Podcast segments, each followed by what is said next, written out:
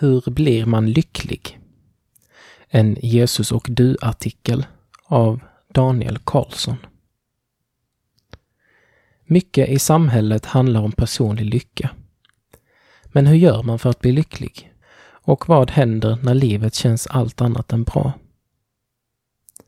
Jag hörde den frågan på radion för någon vecka sedan och började fundera.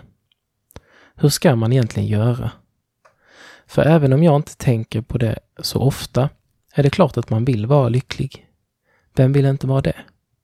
Gästerna på radioprogrammet hade flera tips. Det jag hörde som var mest vettigt var att man ska vara nöjd med det man har. Det enda som är säkert i livet, sa de, är att det inte blir som man tänkt sig. Det finns så mycket i livet som vi inte har kontroll över. Så det bästa är nog att vara nöjd med livet som det blir. Nöjd och lycklig, eller? Det verkade inte vara så svårt. Men jag kunde inte sluta fundera. Svaret var bra, men det räckte inte. För det är inte särskilt lätt att vara nöjd med allt som livet ger. När det känns som om allt går åt skogen. Det finns så många krav som ställs på oss. Från lärare eller chefer, föräldrar och kompisar. För att inte tala om allt vi ser på sociala medier, där vi ofta jämför våra sämsta sidor med andra människors bästa sidor. Allt detta säger åt oss hur vi ska vara för att vara lyckade.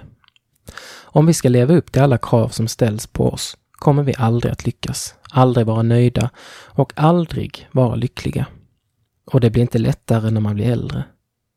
Att vara vuxen är överskattat. Vad du är värd.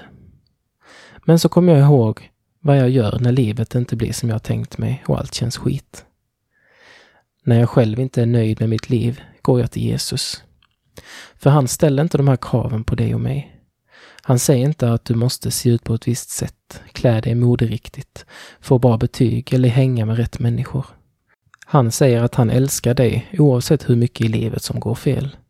Oavsett hur misslyckad eller missnöjd du är med dig själv vill han vara din vän.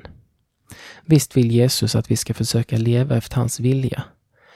Men inte för att han ska älska oss, utan därför att han redan gör det och för att vi älskar honom. Han tycker faktiskt att du är så mycket värd att han gav sitt eget liv för dig och dog på ett kors. Och när jag kommer ihåg det, att Jesus älskar mig oändligt mycket och för evigt, då känns allt bättre. Prova det. Byggtips. Jag vet fortfarande inte riktigt hur man ska göra för att bli lycklig. Hör gärna av dig om du listar ut det. Men mitt tips är att bygga ditt liv på Jesu kärlek. Det är en grund som står fast oavsett vad som händer i ditt liv.